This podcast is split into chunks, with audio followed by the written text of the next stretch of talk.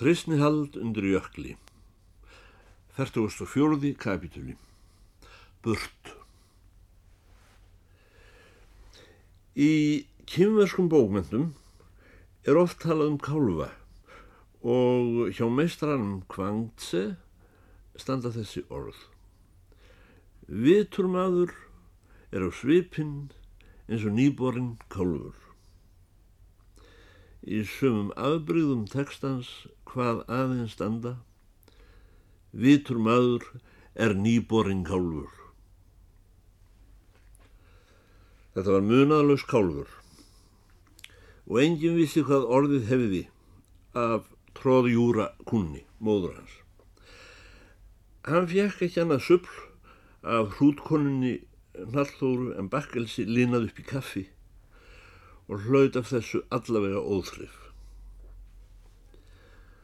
Þó hann væri klórað vel og lengi, hafði hann ekki ræna á að baula þegar fariðar frá hann aftur, en horfið þunglindislega á eftirmanni. Nú sínist mér krúnan á þessum kálfi horki jafn kúpt nýja loðin og áður var. Hann virðist vera orðin nokkuð góður í þessum þremur eða fjórum mögum sem hvað fyrir finnast innan í einum kálfi. Eins og fyrr getur var hann komin í félag með hrútum og farin að lifa á gæðum landsins. Þessi selskapur lág Jórstrandi í kirkjugarðinu. Hrútarnir stóð upp og riksuðu burt þegar ég nálgæðist, en kálfskeppnan kemur í átt til mín. Hefur líklega haldið ég gæfi sér kaffi. Þegar ég er búin að klóra honum svolítið um kjammana og múlan að skilna því og gengjum burt, horfin hann fyrst á mig fara, skokkar síðan á eftir að sálu hliðinu, en þar hafði hann einhvern veginn komist inn þó hann kemist ekki út aftur. Hann gaf frá sér svo litið mútuhljóð á þekkt bassa í barnaharmoníku með því að loka báðum kæftvikunum og lúka næstum ekki upp kyninu. Og þar með ætti þessari skýrslu um kristnihaldundur jökli að vera lokið af minni hendi. Ég vona ég sé ekki að fara út fyrir valdsvið mitt sem skýrslugerðarmadur eða svifta minn herra biskupin tækifæri til að hugsa sjálfur þó ég ljúki þessu skjali í þeirri von að marg skrifaður kálfur muni lifa af. Það er eflaust rétt að ég skýrslu á ekki að skýra út, heldur skýra frá. Maður hefur reynd að sjá hlutin eða að minnstakosti ekki komist hjá því að sjá hann með þessu auða sem sumir telja að við höfum fengið að erfum frá óskjapnum jarðsögunar í stað þess að skoða með auganu sem býr dýpst í alheimskemnum. Óleisandi skuldbinding er í því falin að sjá og hafa séð. Skýrslunni hefur ekki aðeins slegið inn í blóð sjálfsmín, heldur kvikan í lífi mínu runnin í einn þráð með skýrslunni. Og forvarandis hafði ég verið ekki aðeins sjónarvottur heldur einnig smiðvél ókunnar hluta. Hver mun velta fyrir oss steininum frá gravarmunnanum var eitt sinn spurt hver mun frelsa oss af skýrslu. Eftir daglanga visslu, þeirra kræsinga sem framast má draga út úr skottinu á Imperial, fellir nú konan glukkatjöldin, læsir hurðum sínum með likli og húsið er ekki framar til. Undirritaður stígurinn í þungan vagn konu þessarar við aukum burt með kvöldsólina í nakkan. Heim. Burt. Heim. Nú var einn sá dagur á skerplu, alfagur undir kvöld, þegar auðna lífsins blasir við döðlegum manni. Á slíkum degi voru þau gömlu, vannir að segja, enginn er sæl fyrir sitt endadægur.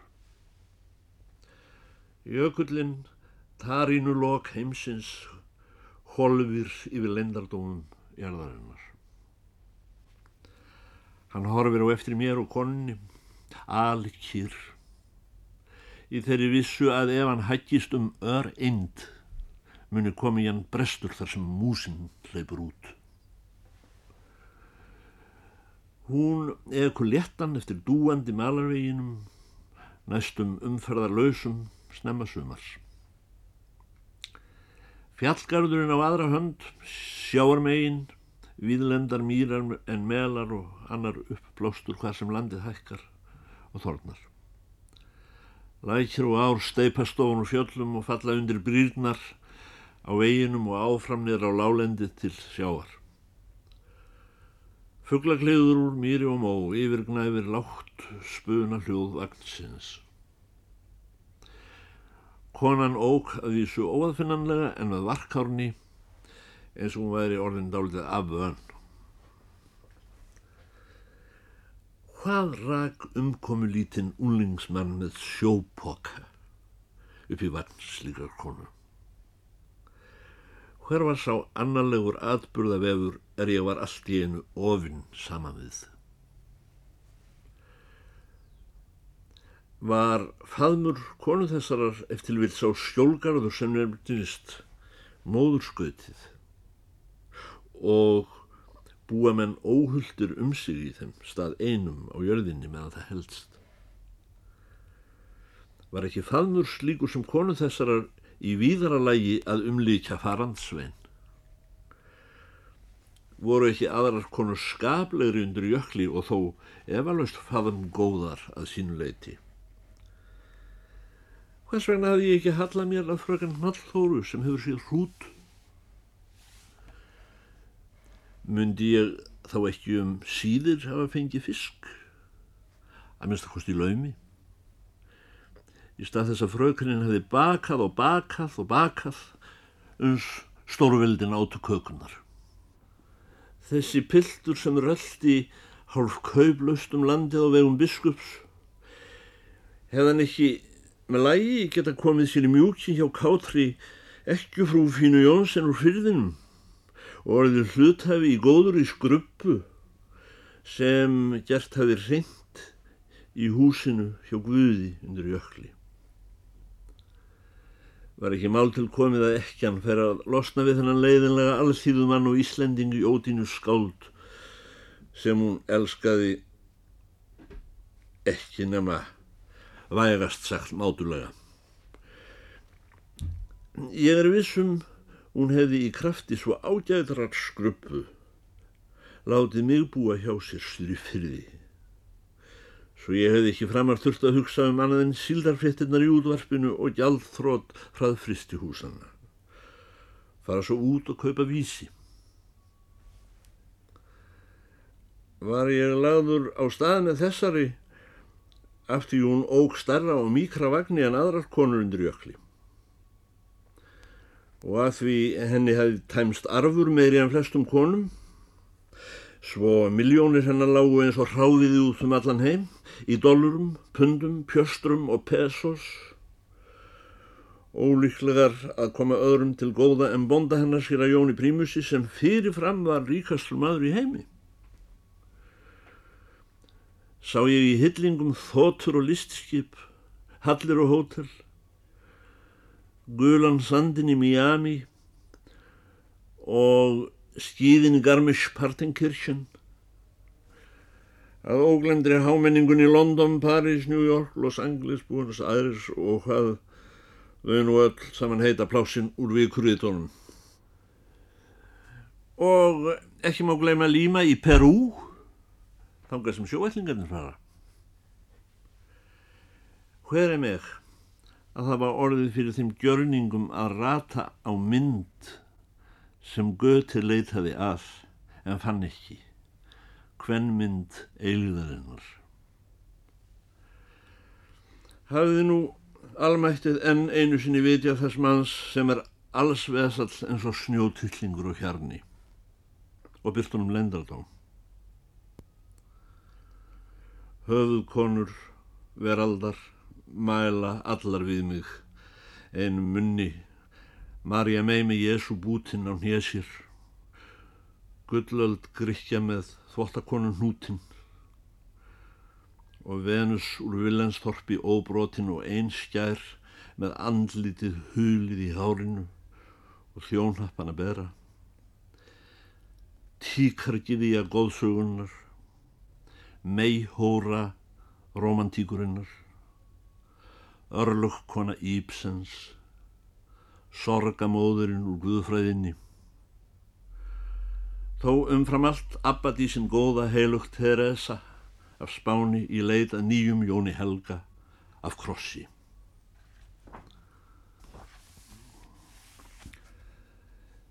Færtugustu fymti kapitúli, heim.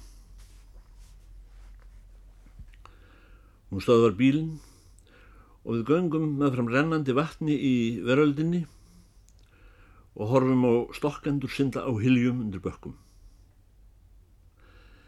Þar syndu og skrifarar, mjög neyjandi. Uh, við sátum á mosavöxnum höfða og fugglaþúfa efst og horfðum á stóð í slakka. Hrossin voru byrjuð að reysa makkan eftir þrautir vetrarins kljást, auðsa, húja, fíla grön, klippa gull. Nýmörkuð lömpin voru enn blóðugum hausinn, sum ókörð og ekki meirinn svo borin önnur óborin með öllu. Sjaldan hefur sól verið að björnt í allt vor eins og í dag. En með kvöldinu fættist þoka með gulls lit langt út í hafi. Við komum í matsöluhús sem var nokkurs konar nútíma heiminn á jörðu, samsettur af plasti gljálækki, óljumálningu, terpentínu og gleri, en þjáðist af skorti á matallikt og mannaþef. Hér fegst ekki matbjörg utan brússikur. Við þosta fegst kolsýru vatn, sem er einn eigin fyrir utan heiminn, og við drukkum þetta hjá ómálga framistuðkonum. Við sátum hlið við hlið við nægurþund plastborð sem stóð á hjálpteinum í þessu gljáandi terpentínu himnaríki fyrir utan tilveruna. Konan horfið langt innan úr sjálfur í sér á fylgisveinsinn.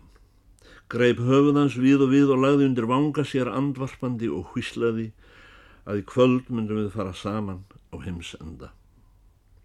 Let síðan höfuðuð aftur á sinn stað en þegar út var komið var gullmóða svo sem fyrir skemstu virtist kaldur leikúseldur út í hafsöga komin að landi.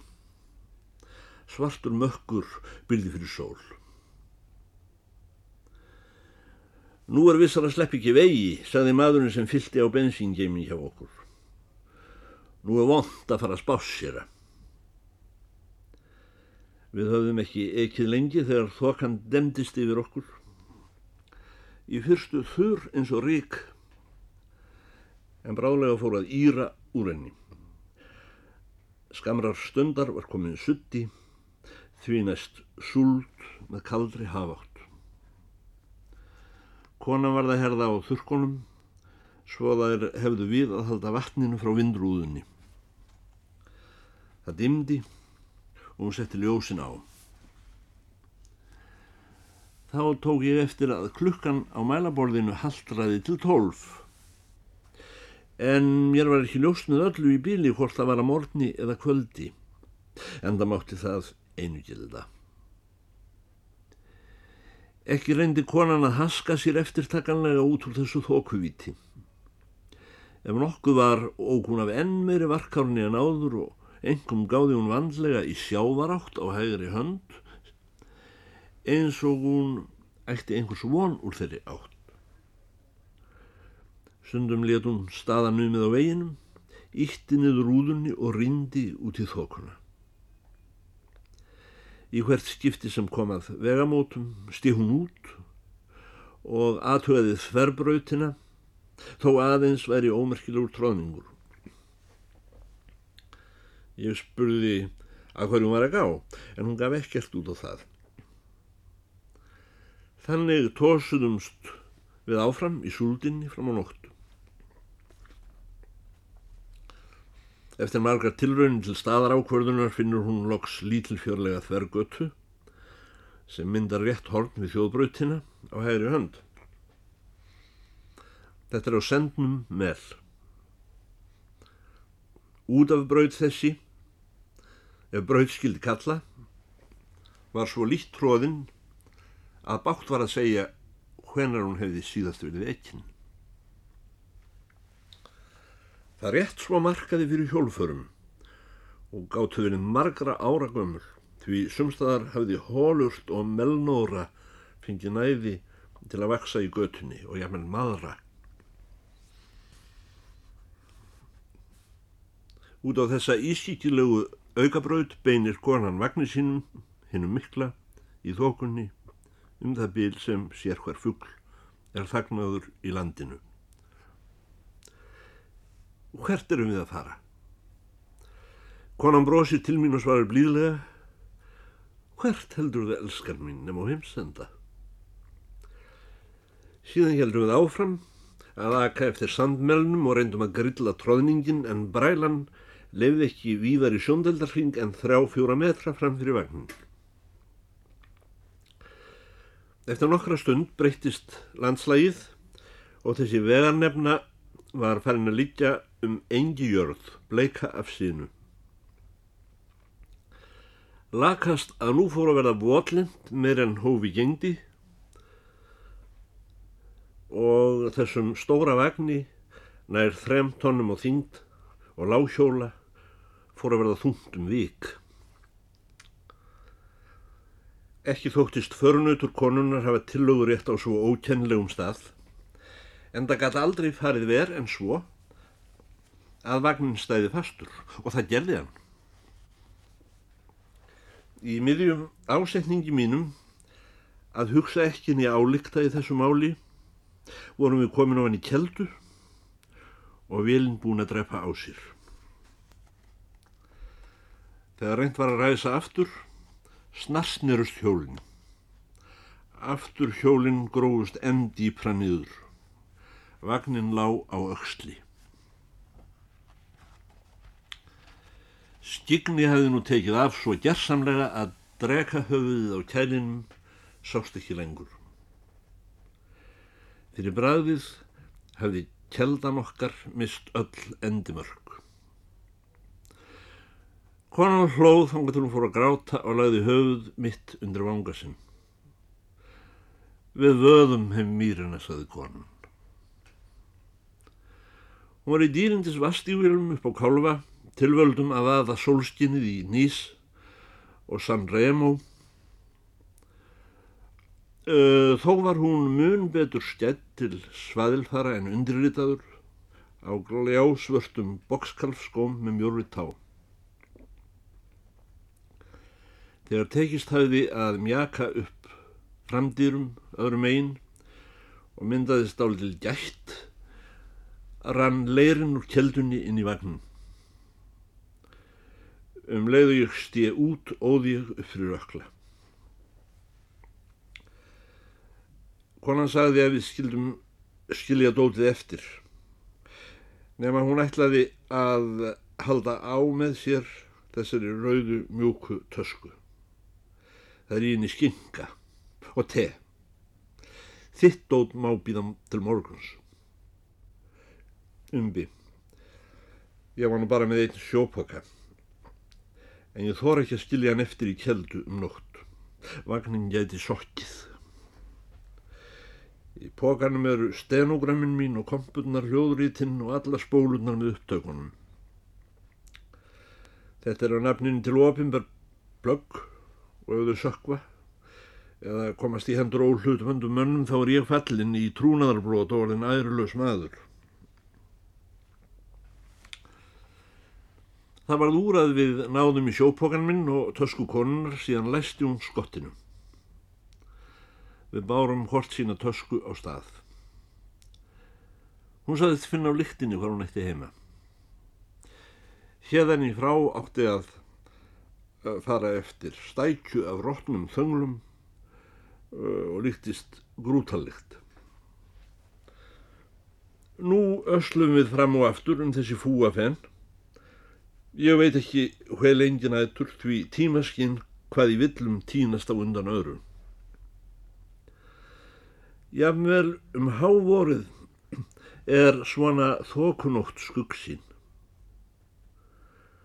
Skórnir mínir fylltust og ég fór úr þeim svo þeir eruð ekki eftir í leðjunni. Aldrei var mér með öllu ljóst hvort þessi illiflói náði yfir gríðarlegt landflæmi allegar við fórum í sífældar ringi í keldunni. Eitt var víst, við komum aldrei að imperialnum aftur. Eftir við var hann sokkinn. En þess við rekumst allt í einu á sannprófanleg hjólfur sem liggja upp úr þessari výðlendu keldu á einum stað en urðu ekki rakinn saman við aðra vegi. Þá segir konan. Þetta er vegurinn keldu búans heim til mín. Nú fylgjum við tráðningi þessu með endalausum í annan endan og í þá eina átt sem hann lág úr keldunni og kom smám saman í þurrari færð en verið hefði um sinn, jarðveg, milli mýrar og allendis.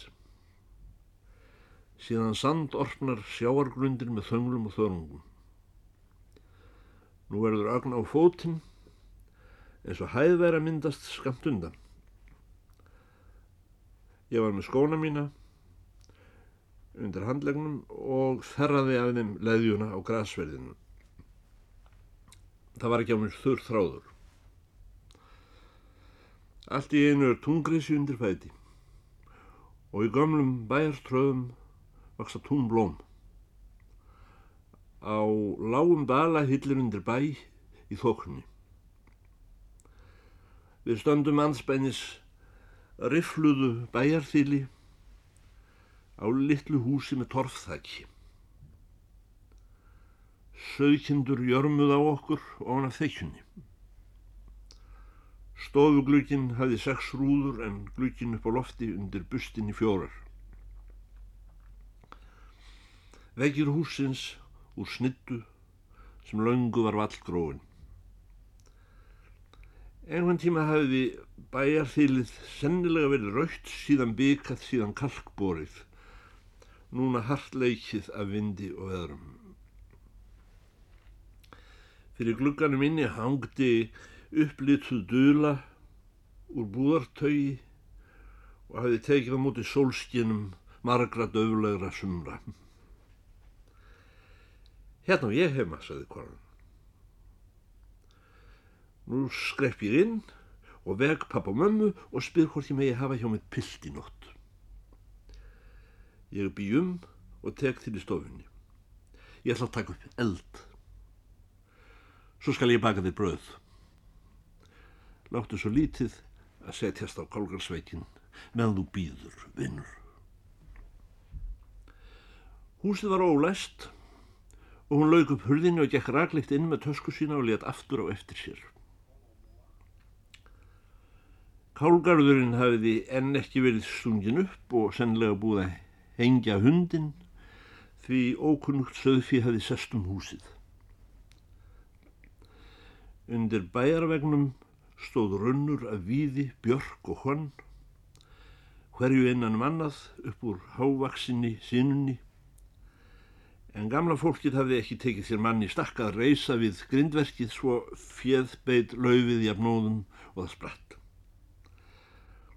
Lambaður horfi á mig undan runninum ströng og svip og jarmaði ásökunarfull. Þegar ég hefði hýmt um stund út í rigningunni um nóttina fór ég að hugsa hvað konan hefði haft fyrir sér þegar hún hvíslaði að nú verðum við að fara á heimsenda. Var það þessi staður? Ég var svo krókloppin að ég ætlaði ekki að koma um skónum. Og hvað var orðið af konunni?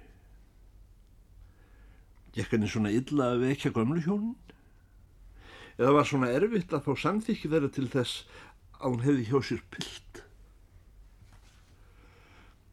Það kom ekki heldur neitt reykur upp úr strómpinum. En þá virtist langt í heitt bröð. Innan skams var ég fann að skjálfa. Átti ég að krokna hér. Eða hvað átti ég að taka til bræðs? Má vera að snjöllust laust málsins hefði verið svo að lúka upp hennum, ganga inn og fara rag leitt upp í til volgrar konunnar. Því miður duttum ég engin snjallræði í hug.